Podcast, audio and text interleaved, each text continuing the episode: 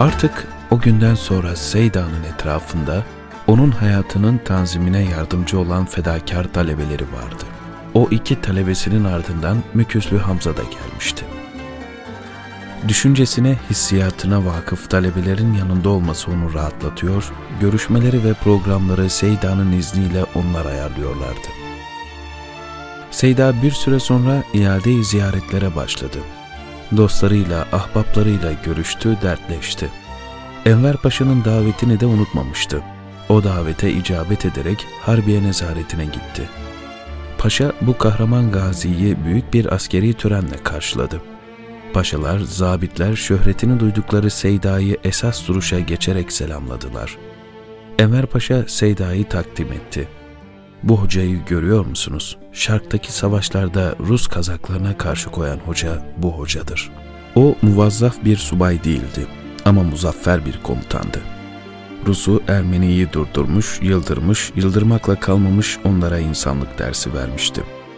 Seyda ele geçirdikleri Ermeni kadınlarını, çocuklarını, ihtiyarlarını öldürmemiş, onlara eziyet edilmemesini ihtar etmişti.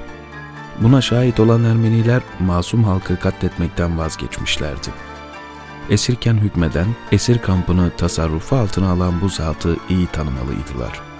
Daha birçok şey söyledi. En âli vasıflarla onu tarif ve sena etti. Heybeti, ciddiyeti, vakarı, tevazuyla zaten Seyda'nın ne olduğu konuşuyordu. Dillerin tarifine çok da ihtiyaç yoktu. Törende Enver Paşa tarafından Seyda'ya gazilik beratı verildi. Madalya takıldı. Aslında manen kimin kime madalya takıp paya vereceğini Enver Paşa da oradakiler de çok iyi biliyordu ama bu devlet Ali adına yapılan bir vazifeydi. Asırlardır Kur'an'ın sancaktarlığını yapmış o şanlı devlet adına verilen paye herkes için bir şerefti. Onun altında Osman Gazi'den, Edebali'den başlayan muhteşem bir mazinin imzası, ötesinde Fatih'in, Yavuz'un, Akşemseddin'in, Zembilli'nin ve daha nice mana ve madde Fatih'inin ruhaniyeti vardı. O madalya muhteşem bir maziyi daha muhteşem bir istikbale bağlamaya ahdetmiş bir iç ve içtimaiyat mimarına veriliyordu. O daha 22 yaşındayken ben de dünyaya Kur'an'ın sönmez, söndürülmez ebedi bir mucize olduğunu ilan edeceğim diye haykırmıştı.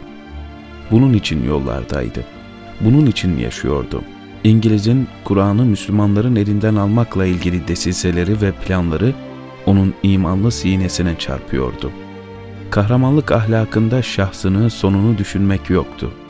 Gerektiğinde ders veren, gerektiğinde savaşan bir mücahit elbette ki her türlü payeye ve ödüle layıktı. Enver Paşa Seyda'nın maddi ihtiyacının olabileceğini düşünerek Harbiye nezaretinden 3 aylık 50'şer altın liradan 150 altın liralık ikramiyeyi tahsis ettirmişti. O parayı diğer payelerin arasına katıp takdim etti. Çocukluğundan beri kimseden bir şey kabul etmeyen Seyda'ya bir şey kabul ettirmenin nedenli zor olduğunu elbette herkes gibi Enver Paşa da biliyordu. Onun için bu takdimde fevkalade nazikti. Paşa şeref misafirini makam odasına aldı. Karşılıklı oturdular.'' Paşa onunla ilgili planlar yapmıştı. Bundan ötürü Seyda'nın düşündüklerini merak ediyordu. Devlet Aliye'nin sarsıldığı o günlerde onun gibi bir ufka milletin de devletin de her zamankinden fazla ihtiyacı vardı. Enver Paşa'ya göre milletin asil bir evladı olan o deha en iyi şekilde değerlendirilmeliydi.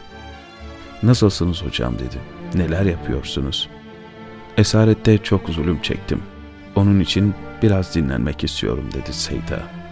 Seyda mağlubiyet şartlarına ve yeni hayatına alışmaya çalışıyor, yaşamaya başladığı ruhi inkılabın tesiriyle nazarını dünyaya çevirmekte zorlanıyordu. Enver Paşa'nın onun istirahatine bir diyeceği yoktu. Fakat hem ondan istifade edilmeli hem ona karşı vefa gösterilmeliydi. Seyda'ya ihtiyaçların olduğunu, ondan şimdiye kadar olduğu gibi şimdiden sonra da hizmetler beklendiğini, arzu edeceği her türlü vazifenin tahsisine hazır olduklarını anlattı. Seyda, Enver Paşa'nın maksadını daha baştan anlamıştı. Şöyle dedi, eğer bana dünyevi bir maişet için vazife verecekseniz istemem. İlim ve irfanla ilgili bir hizmet varsa başka.''